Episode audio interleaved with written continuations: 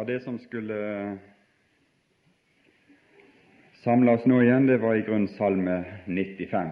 Men eh, jeg skal lese den salmen, altså, har jeg tenkt, men jeg har ikke tenkt å lese den nå.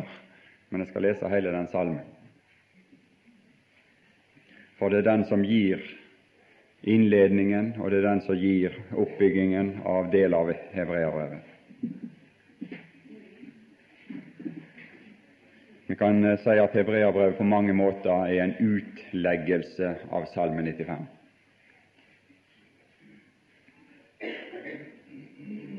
Denne Salme 95 den fører Kristus inn. Den fører Kristus inn for å oppatnye, fornye vår iver vår utholdenhet, vår glede, vår frimodighet.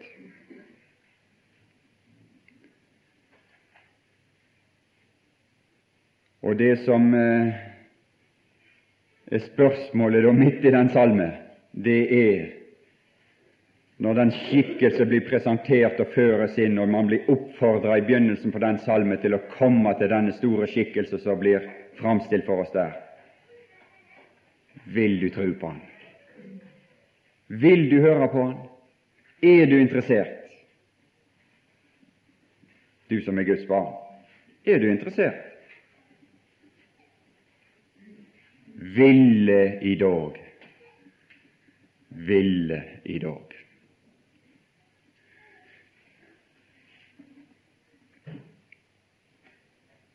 Det er det som kan skje, denne fornyelse, denne av iver, av utholdenhet, av glede, av frimodighet, av fred, av trøst.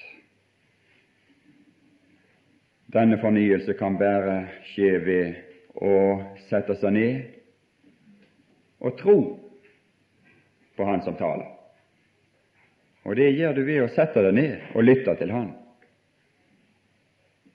Vi må ikke gå rundt og si at vi tror på Herren hvis vi ikke er interessert i å høre på hva Han sier. Da blir det bare frase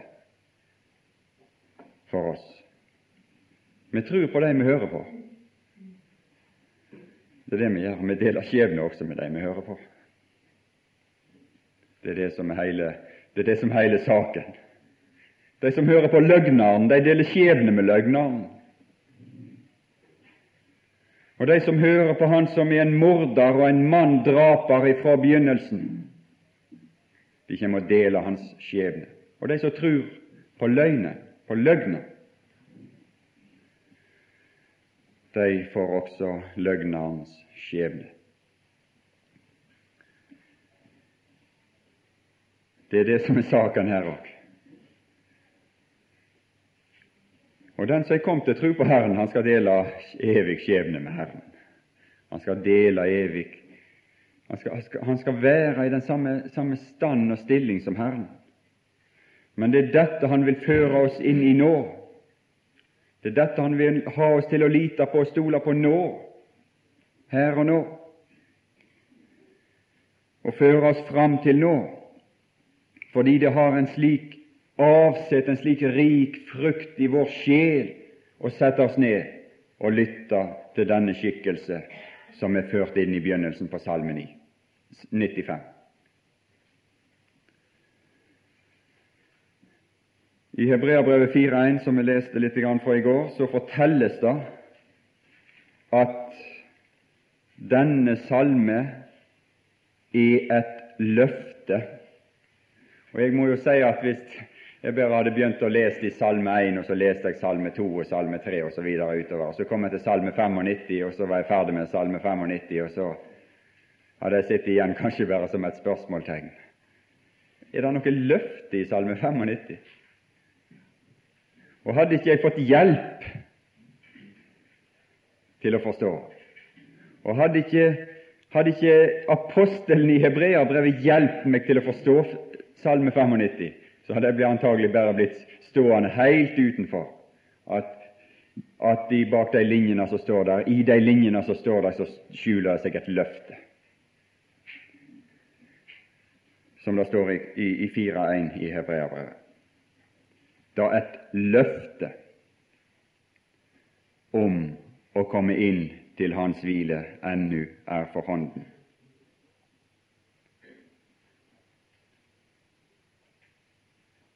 Dette løftet blir ført inn, der, eller blir fastsatt, står det i vers 7. Han fastsetter atter en dag da han gir et løfte.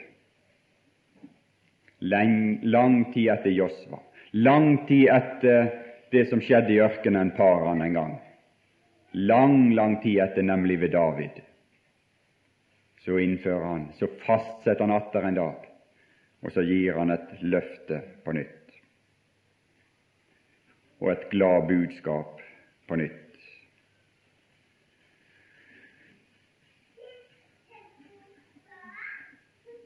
Det som dette løftet inneholdt,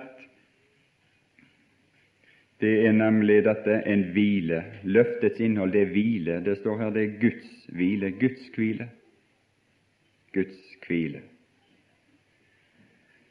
Og denne hvile, hva som, hva som er, fører til den, hva, så, hva, den, hva, den, er i, hva som er arten av denne hvile, står beskrevet her i vers 4 i kapittel 4.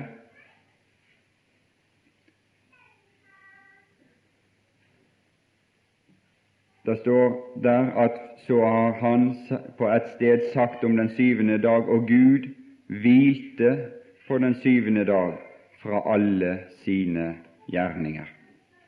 Gud hvilte i det som han hadde gjort. Det brakte han til hvile, kan du si. Det brakte Gud til hvile. Det er arten av denne hvile. Som personer, som mennesker her, så kan vi oppleve kanskje litt av den samme art av og til hvis vi setter i gang et prosjekt, som det heter nå for tida. Nå setter vi i gang prosjekt. Og når dette er fullført og står der, så liksom har du en opplevelse i forbindelse med det. På det menneskelige plan. Og det er kanskje en snev av, av, av, av den samme art av opplevelse som Gud hadde når han betrakta sitt verk.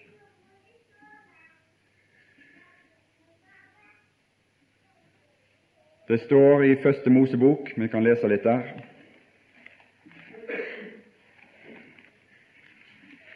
Helt i begynnelsen, i, i kapittel 1.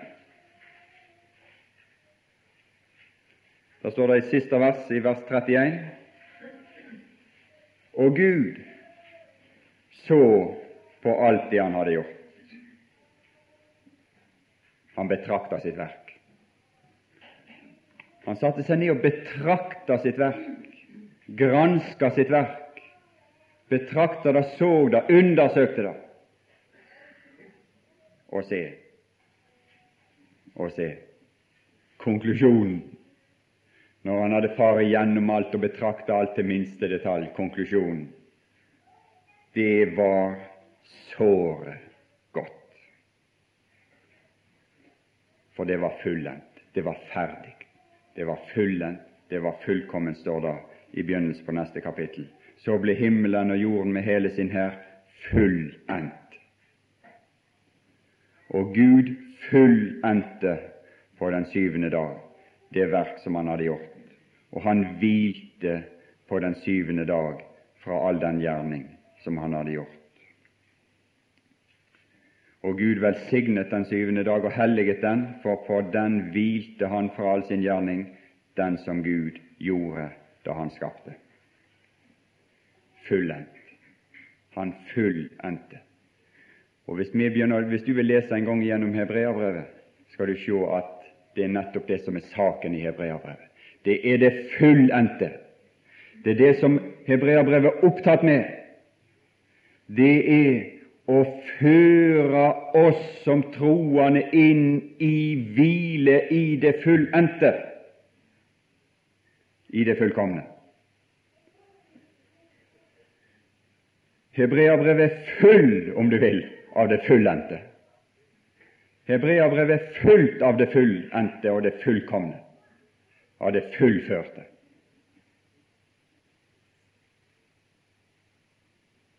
Og det er det som kan bringe meg til hvile. Og det er det som kan bringe deg til hvile, og ingenting annet. Hebreabrevet beskriver en bevegelse. Det taler om en bevegelse, om et løp. Det taler om en framgang. Om å skride fram, står det tale om i kapittel 6 vers 1. Da det står 'la oss gå forbi barnelærdommen om Kristus og skride fram'. Det er visst noe de kaller for framgangsteologi. Det er det, vi debatterer det opp og ned i avisspaltene. Framgangsteologi er visst noe som er på moten i dag iblant de troende. Ja, her er framgang. Da Skriften taler om framgang, men totalt på siden av det som er oppe i skuddet i dag iblant de troende, eller iblant de kristne. Jeg vet ikke om de er troende eller det er ikke så godt å si. Men i, i, hvert, fall, i, i hvert, fall, eh, så er det veldig framme. Men her tales det om framgang. Her tales det å skride fram. La oss skride fram mot det fullendte, mot det fullkomne. For det er der Han ønsker å føre oss. Det er inn i dette Han ønsker å føre oss for å føre oss inn til denne hvile som er Hans egen hvile, nemlig hvilen i det fullendte, i det fullkomne. La oss skride fram. Forlate noe og skride fram imot noe annet. Og det som det skal forlates, det er det synlige. Det er det det taler om her. Det er den synlige verden, og det er den nåværende, og det er det som er gjenstand for, for, for det, det, som ikke skal bli, det som ikke, ikke skal være, det som ikke er det varige. Det er det du skal gå forbi, og det som, som er på det utvortes, og så inn i den evige, usynlige, faste, trygge verden som står der og aldri skal omskiftes. Og det er det som kan skape også denne takknemlighet, står der ute i kapittel 12. La oss være takknemlige, for vi har fått et rike som ikke kan rystes, som ikke skal omskiftes, men som er fullendt.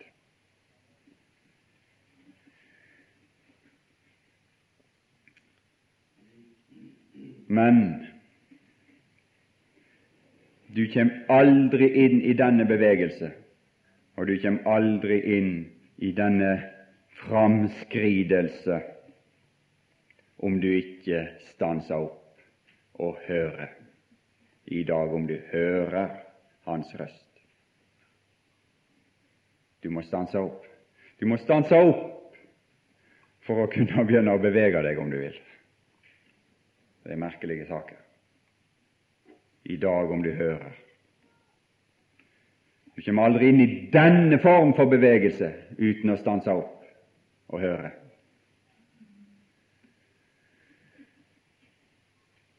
Og tro at den Gud som har gitt et løfte om denne hvile, han er også i stand til å oppfylle dette løftet. Han er i stand til å føre deg fram imot dette fullendte, imot dette fullkomne, så det står her om i kapittel 6.1. Han er i stand til det, denne Gud, som har kalt deg til det. Han har ikke bare gitt et løfte, han er i stand til å oppfylle løftet. Men han kjenner så uendelig godt ifra all sin erfaring med, med sine helt ifra begynnelsen, så kjenner han så uendelig godt til både ditt og mitt hjerte og våre svakheter og vår treghet til å tro. Gud taler også om ting som er tregt. Det er, liksom, det er sånn uttrykk som ungdommene har det. Det er så tregt, sier de. Der og der er så tregt, og han og han er så treg.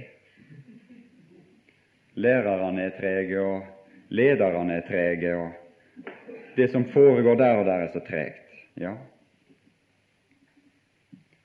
det sier Gud om deg, det, at du er treg. Det er det som er saken.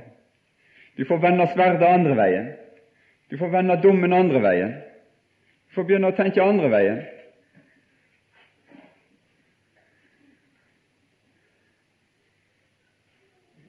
Det er blitt trege, står det i vers, kapittel 5 og vers 11. Det er blitt vanskelig å være utlegger. Det er blitt vanskelig å være apostel som skal skrive hebreabrevet og tale til disse folkene, for de er blitt så trege til å høre.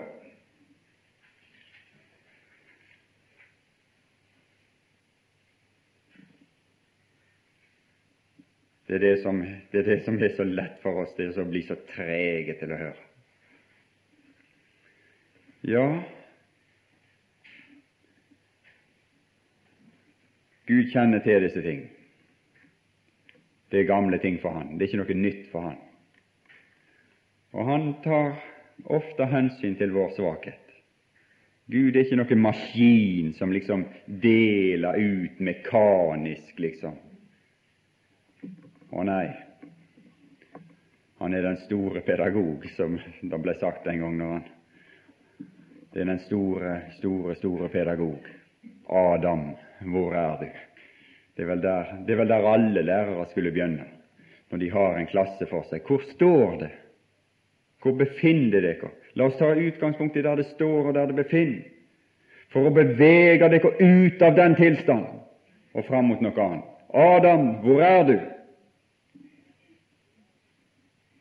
Det var det han begynte med når han skulle begynne å bevege på slekten som var falt.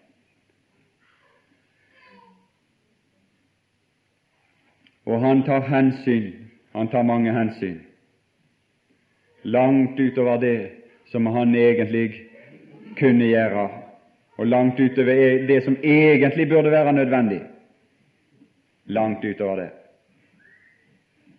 Men han hadde har en sånn iver Gud han har en iver, han er ikke treg. Han har en iver, han har et hjerte, han har et ønske. Han gjør alt han kan for at du ikke skal bli treg, og for å føre deg fram. Og Derfor står det også i vers 17 i Hebreabrevet 6 da Gud ville enn mer vise løftets arvinger. Han ville vise noe. Han har noe å vise. Han har noe å framføre.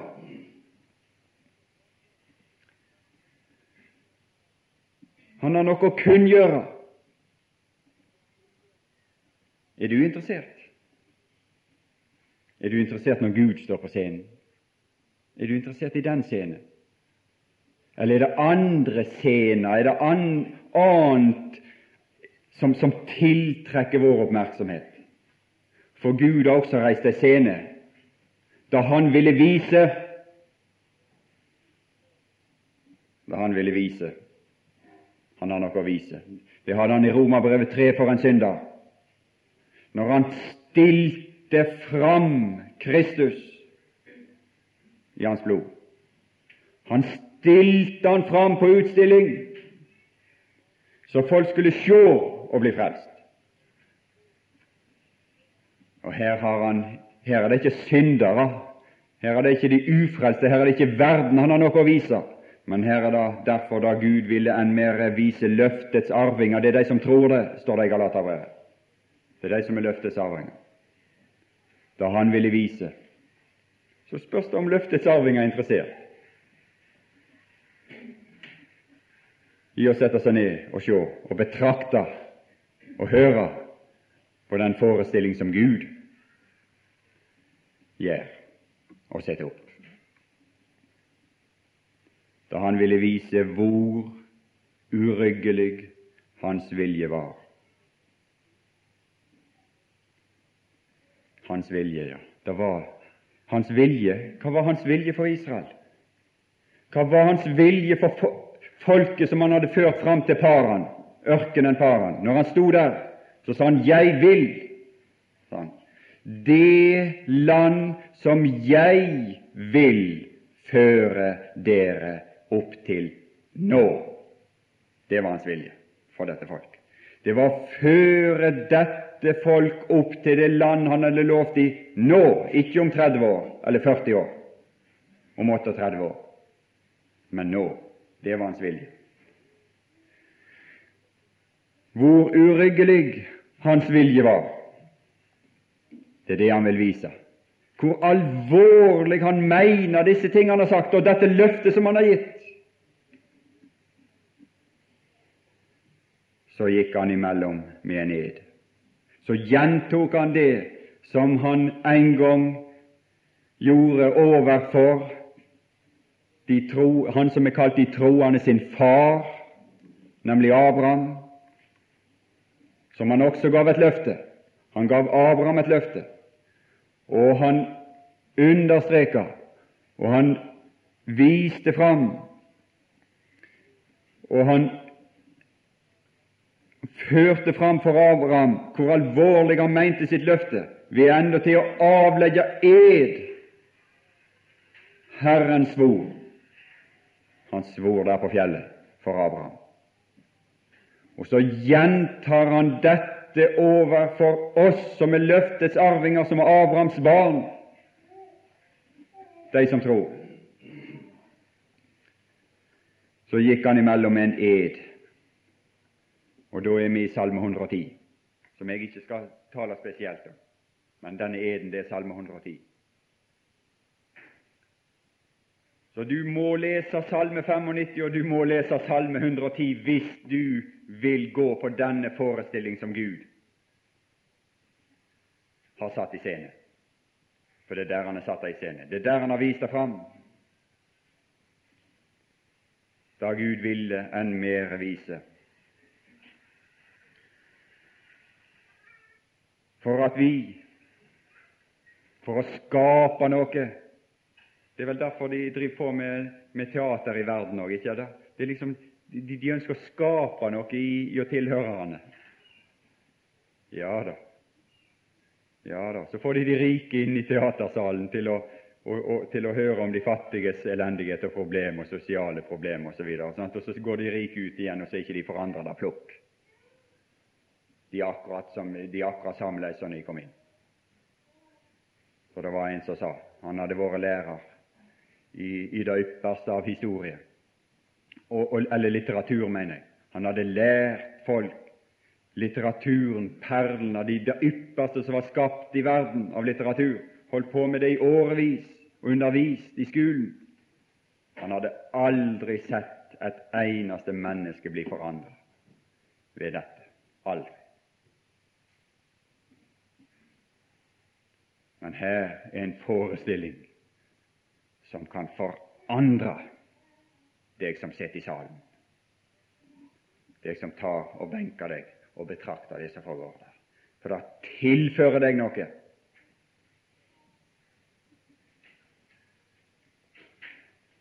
For at vi Det er det som er hensikten med det han gjør.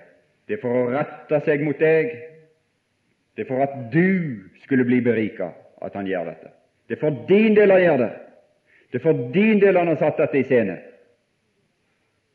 Det var ikke for Kristi skyld at han avla ed den gang, men det var for de skyld.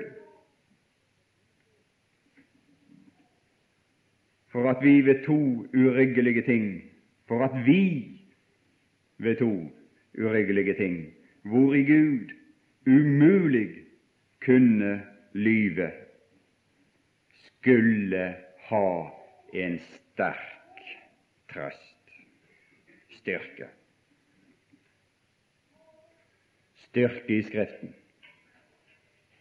Styrke i Skriften har alltid sin forankring i den usynlige verden, og det har også dette løftet, og det er også dette som vi taler om. Det fører oss nemlig inn bakenfor forhenget, som det står her, inn i den usynlige verden. Og det er der denne sanne, egentlige styrke blir tilført oss. Det er ikke i det synlige. Når dette faller bort, som det står om i 1. Korinterbrev 13 Når disse ting faller bort, når du blir slått ut, hva er du da? Hvis du skal måle din egen person, så skal du måle hva er du når du er slått ut og, og, og plassert totalt for deg sjøl. Når du ingen forsamling har, når du ingen posisjon har, når du ikke har en eneste tilhører, om du er, er vant liksom å, å, ha tilhørere og ha noen som liksom ser opp til deg, om du har du, du, du, du synes at ja, jeg fungerer nå, det er liksom noen som ser opp til meg, og at det er noen som, som uh, synes at det er bra.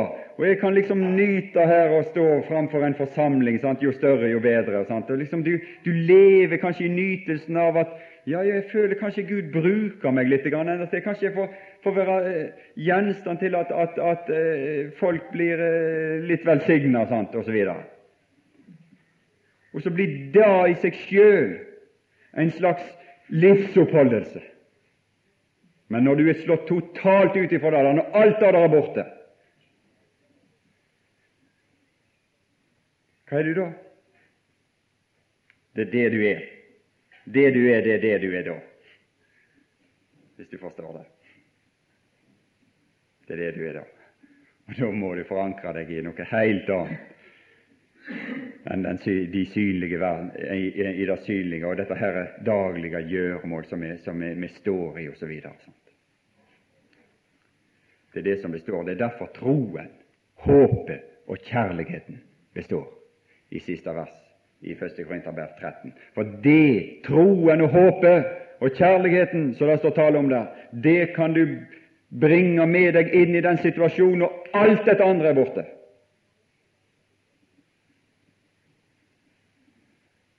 Og det er der han ønsker å føre oss. Det er dit han vil ha oss inn. Det var dit Jesus ville ha oss inn når de var begeistra, som vi kjenner til.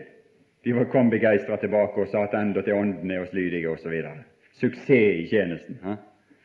Og Abraham hadde suksess i sin strid når han var ute og, og, og kjempa mot kongene der. Så hadde han suksess. Han vant seier. Han slo de. Og han frigjorde Lot. Han frigjorde en bror. Det var framgang og seier. Men det ligger så besnærende nær da å få sin rikdom i disse ting, og få sin glede i disse ting. Og Det lå så snublende nær òg for Abraham at han skulle få sin rikdom og glede i denne seier og i det han vant der. Derfor var det at Gud sendte en ut til å møte han med en glede og en styrke av en annen karakter og fra en annen verden. Og disse to-tre setningene der som står tale om i Første Mosebok der, de er da at gjentas i og brukes i Salme 110 når Gud skal vise fram disse tingene. Så tar han eksempel derifra og taler om Han som ble ved ed utnevnt til prest til evig tid etter Melkisedeks vis. For han kunne glede. Det er en glede som var uavhengig av om, om han vant seier over fiendene eller ikke.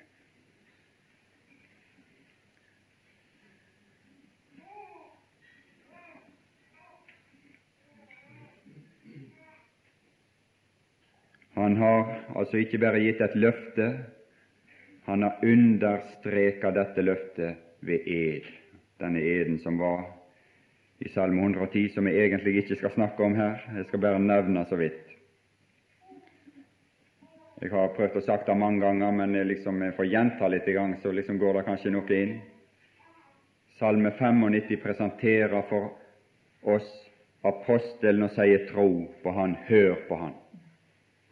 Hør på Hans røst denne store, mektige skikkelse som blir presentert der. I Salme 110 så viser Gud fram vår ypperste prest, vår representant innenfor Gud, og sier sjå på han, betrakt han. For saken er den at Gud gjorde dette for oss for at vi skulle ha. For saken er den at min stilling innenfor Gud er like så god som min representants stilling innenfor Gud er. Den er like så god. Den står og faller med Han. Går det galt med min ypperste prest, så går det galt med meg. Og går det godt med min ypperste prest, så går det godt med meg. Den er like så god. Den står og faller med Han. Går det galt med min ypperste prest, så går det galt med meg. Og går det godt med min ypperste prest, så går det godt med meg. Og det som Gud viste, det var hvor godt han sto seg, hvor godt han som er min ypperste prest, han som er den som tror på Jesus sin ypperste prest, hvor godt hans sak står seg der, og det vil si hvor godt hans sine si sak står for Gud.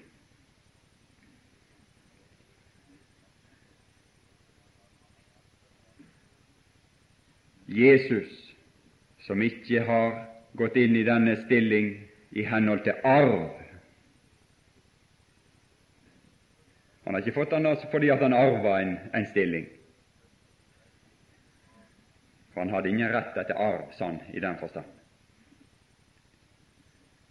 Han har ikke fått den stillingen i form av noe lureri eller noe tilsnikelse eller intriger, som det heter i dag, og all slags like skumle bakveier. Langt ifra. Men han har fått den stilling ut ifra at han ble kalt, og gjennom prøvelser så blei hans kall stadfesta for evig i kraft av hans kvalitet og i kraft av hans kvalifikasjoner. Han er blitt det altså Ypperste prest står det i 716 han er blitt det i, ikke ifølge et kjødelig budslov, men ifølge kvaliteter i sin egen person, ifølge et uforgjengelig livskraft er kraften. Uforgjengelig livskraft. For han får det vitnesbyrd. Og det er det Gud viser oss der borte i, i, i kapittel 6 og vers 17 og 18. For han får det vitnesbyrd. Har du, den, har du vært der nede og betrakta dette vitnesbyrd? Har du betrakter denne scenen når Gud avlegger dette vitnesbyrd, du som tror på Jesus, når Gud avlegger dette vitnesbyrd om din representant innenfor Gud? Du er prest til evig tid etter Melkisedeks vis.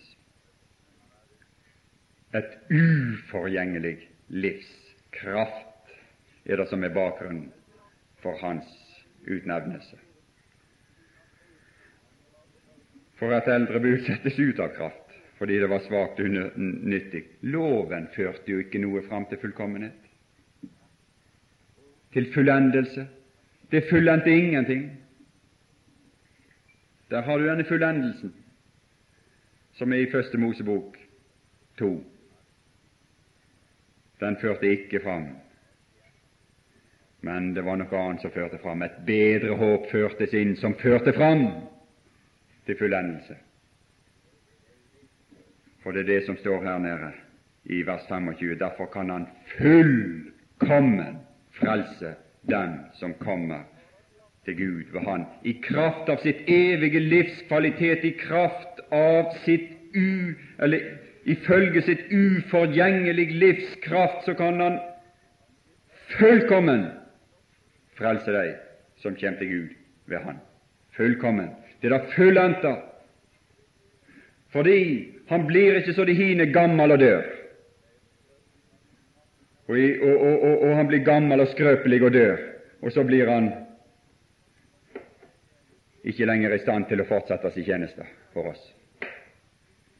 Jeg pleier å si det sånn at om du, har, om du er verdens beste menneske, så har du en stor feil. Om vi ikke hadde noe annet og godt å si om deg og om de tjenester, så har du en stor, stor feil likevel. Vet du hva det er? Du blir gammel og dør. Og ved døden blir du forhindra fra å fortsette de tjenester. Om du har hatt den ypperste tjeneste, om du har vært den mest glimrende person, så kommer den dagen. Ja, ja, det kan jo hende Herren kommer, men la, la, la, altså, så kommer den dagen de skal holde begravelsestale over deg, og da kan de gi deg ros når de holder begravelsestale over deg, og da kan de tale om deg. Men de tjeneste er over. Du ble gammel og døde. Den feilen har alle gode tjenere. Men her er én.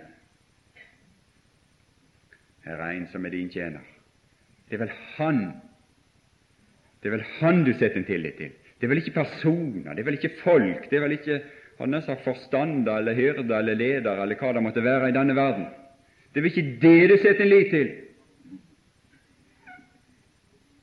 Jeg vil sette min lit til den ene til denne, som Gud har vitna det om.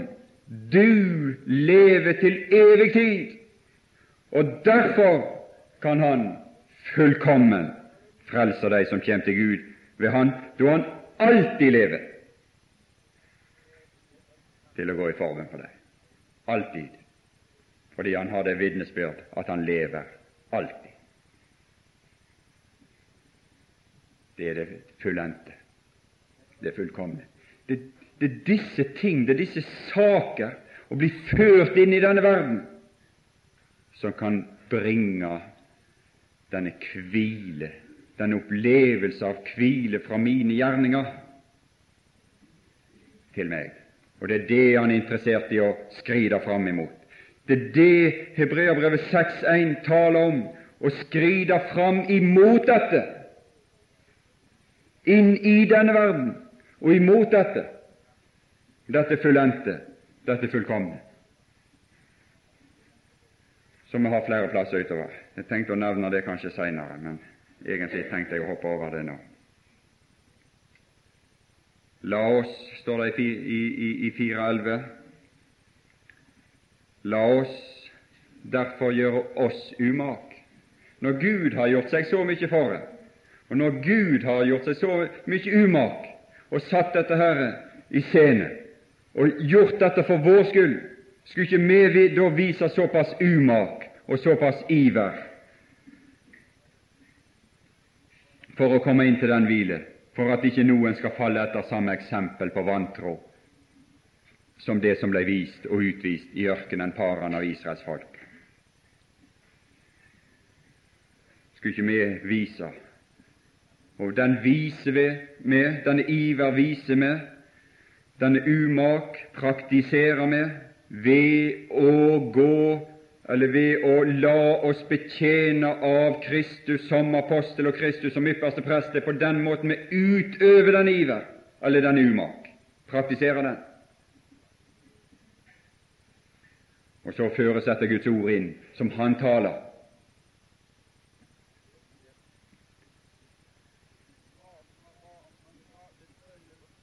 i vers 12 og vers 13,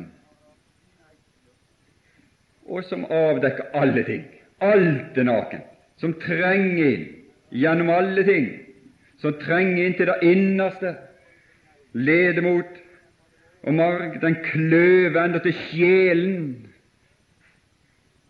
Og Ånden, den går inn på et område som et naturlig sverd aldri kan nå. De kan stikke et naturlig sverd igjennom deg, eller de kan, I dag bruker de ikke det, men de kan la ei kule gå gjennom deg. Men hun går ikke gjennom din sjel og din ånd. Men dette sverdet, det stikker lenger inn, og det kløver enda til sjel og ånd og dømmer hjertets tanker og råd. Og det er høyst nødvendig for oss å være inne der, for at vi ikke skal gå ut i, i, i, på all slags ting. For det bor nemlig alle mulige slags ting inni her som trenger å bli dømt. I daglig omgang med dette ordet, så trenger det å bli dømt. Som ikke får inn på ville veier, og enda tre, tror at, at, at, Gud velsigner oss med all, all slags ting som han, som han aldri vil velsigne oss med, og som ikke har noe med velsignelse å gjøre i det hele tatt men en kjødelig opplevelse, og så tillegger de enda til den Gud mange, fordi de ikke har kunnskap, fordi de ikke har vært inne her og blitt dømt.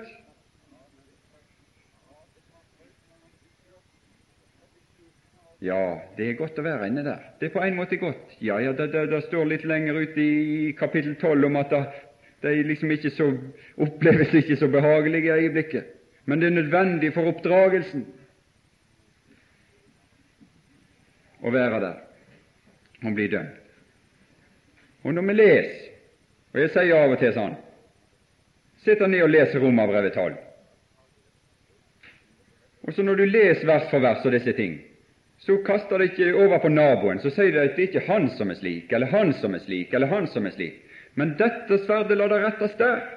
Hvordan er det med meg i forhold til andre? Når det gjelder å tale vel om andre, når det gjelder å opphøye andre jeg synes det er mye kjekkere å finne disse feilene med. Mye større glede av det.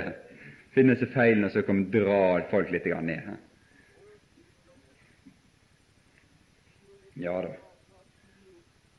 Ja, vi har alle tilbøyeligheter. Jeg har tilbøyelighet til å bli den verste tyrann i denne verden. Det er det vi har. Vi har tilbøyeligheter til alt mulig. Vi må inn og bli dømt. Og innenfor denne trone og innenfor denne røst så ting utvekster, så det står lenger ut tale om i kapittel 12. Der står det tale om bitterhet, om en bitter rot. Det fins medisin mot sånn. Det fins middel mot sånne ting. Og det er å stige fram for denne trone der Han taler. Stige innfor der og la, la dette Guds ord dømme den slags i våre liv. Og samtidig oppleve det som står videre i vers 14, fordi at vers 14 henger sammen med vers 13. Vers 14 og 15 og 16 henger nøye sammen med de andre. Det slutter ikke i vers 13 med at alt er nakent og bart for Hans øyne som vi har å gjøre med. Men ettersom vi da har en stor ypperste prest som er gått igjennom himlene, Jesus osv. Og, og så står det i vers 16 la oss tre det fram med frimodighet. Tre det inn der. Og være inne for denne trone, denne nådens trone, og sjå tilbrør, står det i, i kapittel 12 at ikke noen vik tilbake fra dette, for at ikke noen bitter rot skal vokse opp og volde med en. For det middelet, vær der inne for denne trone, oppholdt deg der inne for denne trone, og hør på Han som sitter på tronen, og vær der og betrakte Han som sitter på nådens trone, så skal bitterheten forsvinne ut ifra deg. Så skal ikke du bry deg så mye om det som du synes de andre gjør galt imot meg. De andre de er ikke nok oppmerksomme på meg, og jeg får ikke den posisjon og den oppmerksomhet som jeg skulle ha. og liksom, Ja, ja, ja, jeg blir, jeg blir liksom unngått, jeg blir ikke lagt merke til, osv. Det farer bort der. Tåle. Tåle, ja. Tålmod står det litt tale om her, lenger ute i kapittel 6 og lenger ute også i brevet tålmod, tåle. Det er det du kan. Det er det du kan få styrke. Det ble talt om styrke her i, i, i Kolossenserbrevet. Det er til å tåle det. Kraft og styrke viser seg, viser seg i tålmodighet og utholdenhet. Det er der kraften og styrken ifra Gud, den himmelske styrke og kraft, utviser seg i verden. Det er i tålmodighet. Tåle Ja, ja, hva tåler han? Hva har han tålt? Hva har Jesus tålt av deg opp gjennom årene og av meg? Hva tror du han har tålt? Og så skal ikke du tåle småting av dine medbrødre. Ja, det er slik. Forferdelig lett for at det blir slik. Men det finnes et middel imot det. Sjå til, brød, at ikke noen vik tilbake for dette å stige inn med frimodighet for denne trone, for denne nådens trone, vike tilbake fra nåden, for at ikke noen bitter rot skal vokse opp og volde med en, men at du kan få miskunn og finne nåde til hjelp i rette tid. Du får hjelp der, skjønner du. Du får hjelp. Holde fast vår frimodighet. Ja, det var det, som, det var det som måtte tilstå det her i kapittel 3 og vers 6, at vi holder vår frimodighet fast inntil enden. At vi holder på med denne framtreden framfor nådens trone. Så vil Han ta bolig. Så vil Han bo i oss.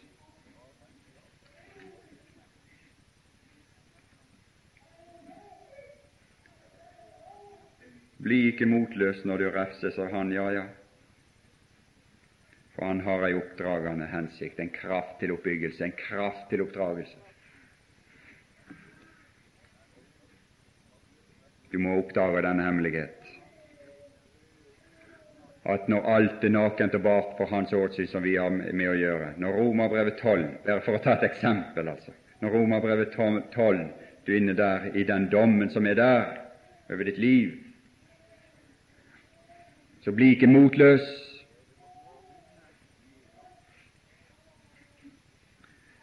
Abrahams liv var ikke et liv uten synd og feil og nederlag. Jeg vet ikke om det eksisterer det i, i, Det gamle testamentet. Det er jo sånn at du av og til kan lure om visse personer. sånn så Det ser ut til å være veldig få brist. Jo. En mann som Josef, en mann som Daniel, ser ut til å være nesten uten brist. Men det er så. De er veldig få, veldig få unntak. Nehemias men de var nok ikke uten brist, de heller, for det taler jo Skriften om. Men Abraham var i hvert fall ikke uten brist. Og Isak var heller ikke uten brist. Og Jakob var langt ifra uten brist.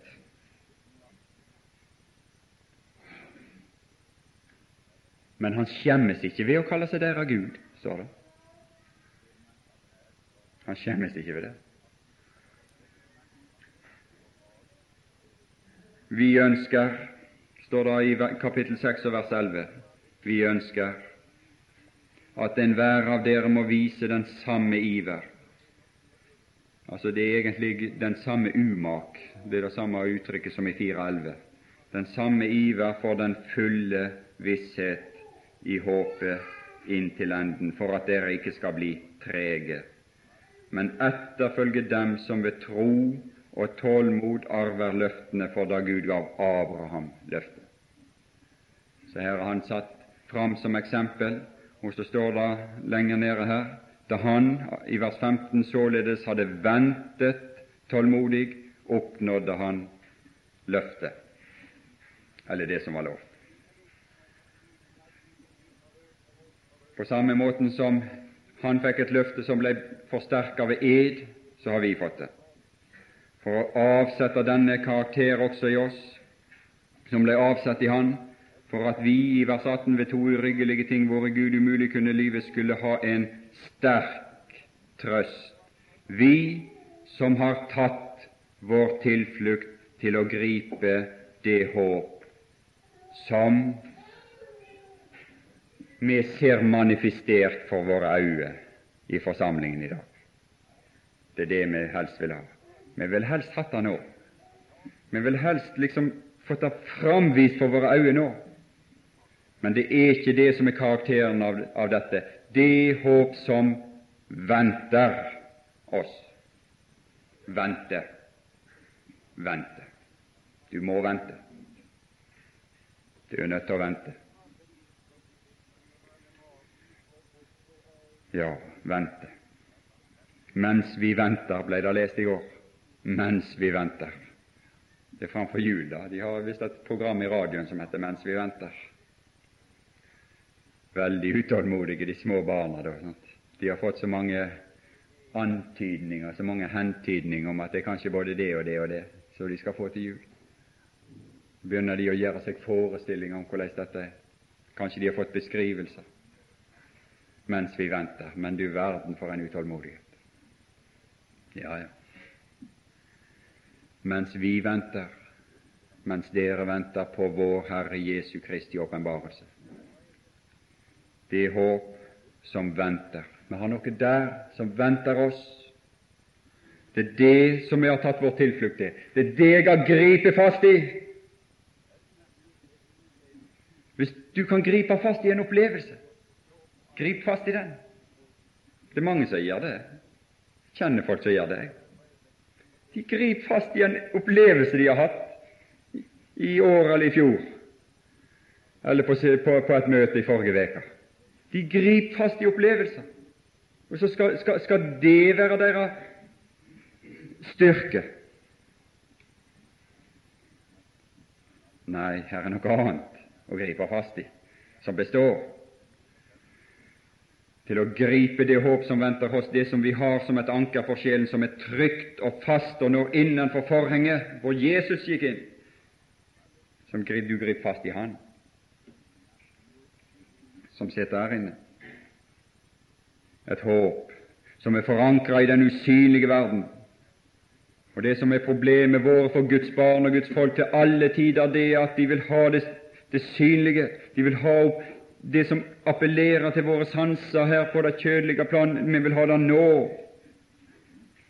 Vi vil ha sånne ting nå å se på nå. Vi kom til å lese i, i, i avisa der at eh, i Trondheim kommune De er visst på fattigkassen som de, de, fleste er kommet nå, disse kommunene. Og så var det for dyrt å varme opp Nidarosdomen. De mente det burde staten overta. da, Så fikk de folkene som samles der, de fikk samles i et bygg litt lenger ned i gata. Og da ble det ramaskrik. Da ble det ramaskrik. En annen bygning kunne ikke skape den høytidsstemning, kunne ikke skape disse inntrykk, denne, denne følelse, disse ting, kunne ikke en annen bygning, en simplere bygning lenger nede i gata, kunne ikke skape det så ble det en voldsom, voldsom protest. Det var overføring til noe annet, til noe simplere, var, var til hinder for det som appellerte til det synlige, til det sanselige, til det stemningsskapende. Og de regna med at frammøtet ville reduseres betydelig. Det sier noe, det der. Det forteller noe. Som forteller noe. Det er ikke spøk for meg og deg, men det er mulig å ha vår forankring i det usynlige, der omgivelsene har ingen påvirkning i den forstand. Det er ikke noe som vi bare spaserer inn i uten videre. La oss gjøre oss umak. La oss gjøre oss den umak som står her. La oss praktisere dette og lytte til Han og betrakte Han. For det er det som kan løse oss ifra disse bånd. Som, og som ikke lar oss lure av slike bevegelser, enten det er noe det som har med dette synlige, sanselige ting som de har i de sammenhenger der, som Nidarosdomen står i, eller det er dette her som ellers er så voldsomt i skuddet nå, altså dette her med tegn og under osv. Så og sånn. Hele bevegelser som, som, som, som, eh, bygger sin praksis, som bygger hele sin, sin virksomhet på utvortes og synlige tegn og under og sånne ting. Og de, har sin, de, har sin, eh, de, de, de bygger sin, sin lære nærmest, eller sin praksis, på det som står i Romerbrevet 15 og vers 18, at 'jeg vil ikke driste meg til å tale om annet enn det som Kristus har virket ved meg for å føre hedningene til lydighet ved ord og gjerning', og i vers 19 spesielt 'ved tegns og underes kraft', ved Åndens kraft osv. Tegns og underes kraft. Og Det er vanskelig egentlig på mange måter å komme disse her folkene i møte, fordi at de har jo Guds ord på sett og vis med seg. Sant? De kan sitere Romerbrevet 15-19 der. Det er ikke så spøk å komme det i møte og si at men her står det jo klart og tydelig at det ved dette evangeliet skulle føres fram. Da gjør jo det. Ja, hvordan vil, du, hvordan vil du komme det i møte? Har du tenkt på det? Ja, tilsynelatende er dette bevegelser som liksom har et motsatt fortegn til disse her, kan du si, høykirkelige bevegelsene. Og de, de, de lærer nærmest at det er tegn og under som skal skapes tro.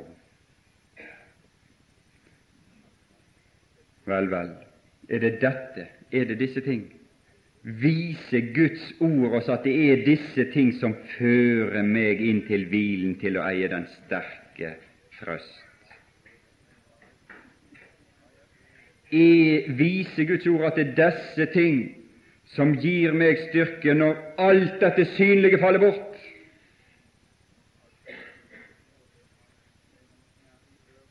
Er det det. Vi skal se litt på det. Den, dette uttrykket som er satt opp i dag, om du hører Hans røst, refererer til en hendelse med Israels barn i ørkenen Paran, som jeg sa. Og Jeg skal avslutte med det jeg ser tiden har gått altfor langt. Men vi vil prøve å, å, å komme litt inn på disse tingene her. Jeg tror ikke jeg skal fortsette med det nå, men se litt. Grann. Kan bare nevne et, et stikkord. Det står nemlig 'enda'. Enda de så. Gud har prøvd av det der. Gud har prøvd den vei. Enda de så mine gjerninger. Skapte det tro. Det er underlige saker. Jeg vil ikke gå videre på det nå, men kanskje fortsette med det da i morgen. Herre Jesus,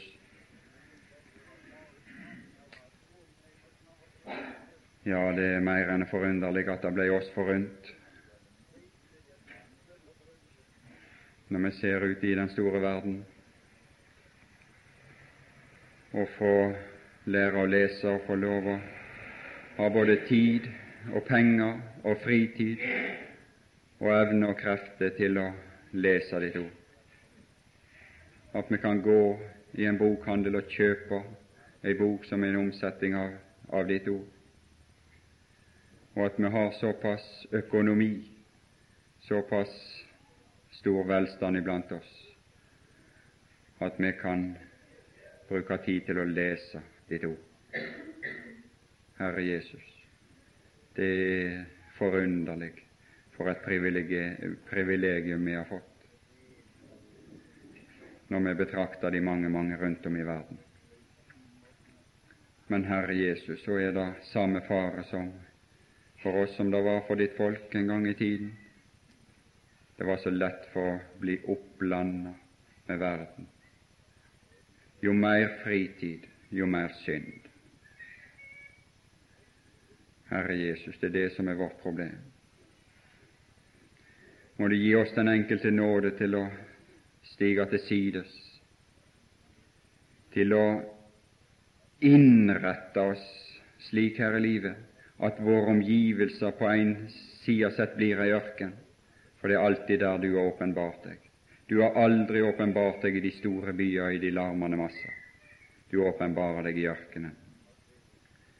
Herre Jesus, må du gi oss nåde til å innrette våre liv, den enkelte her, av noe av den ørkenkarakteren som gjør at du kan åpenbare deg for oss i vår herlighet, i din herlighet, og fylle våre behov der, av kraft som ei forgår, av forankring av styrke, av fred og av hvile, som har sitt utgangspunkt og sin forankring i den usynlige verden, og som vi kan bli et under iblant våre medmennesker, så de undrende spør hvor er det disse folkene har sin kraft ifra?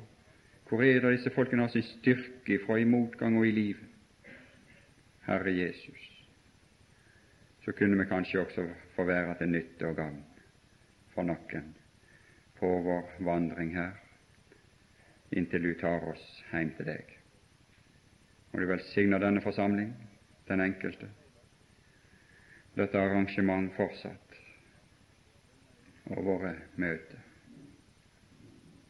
så takker vi deg for din nåde, og takker deg fordi at du har kalt oss og gitt oss et rike som ikke kan rystes.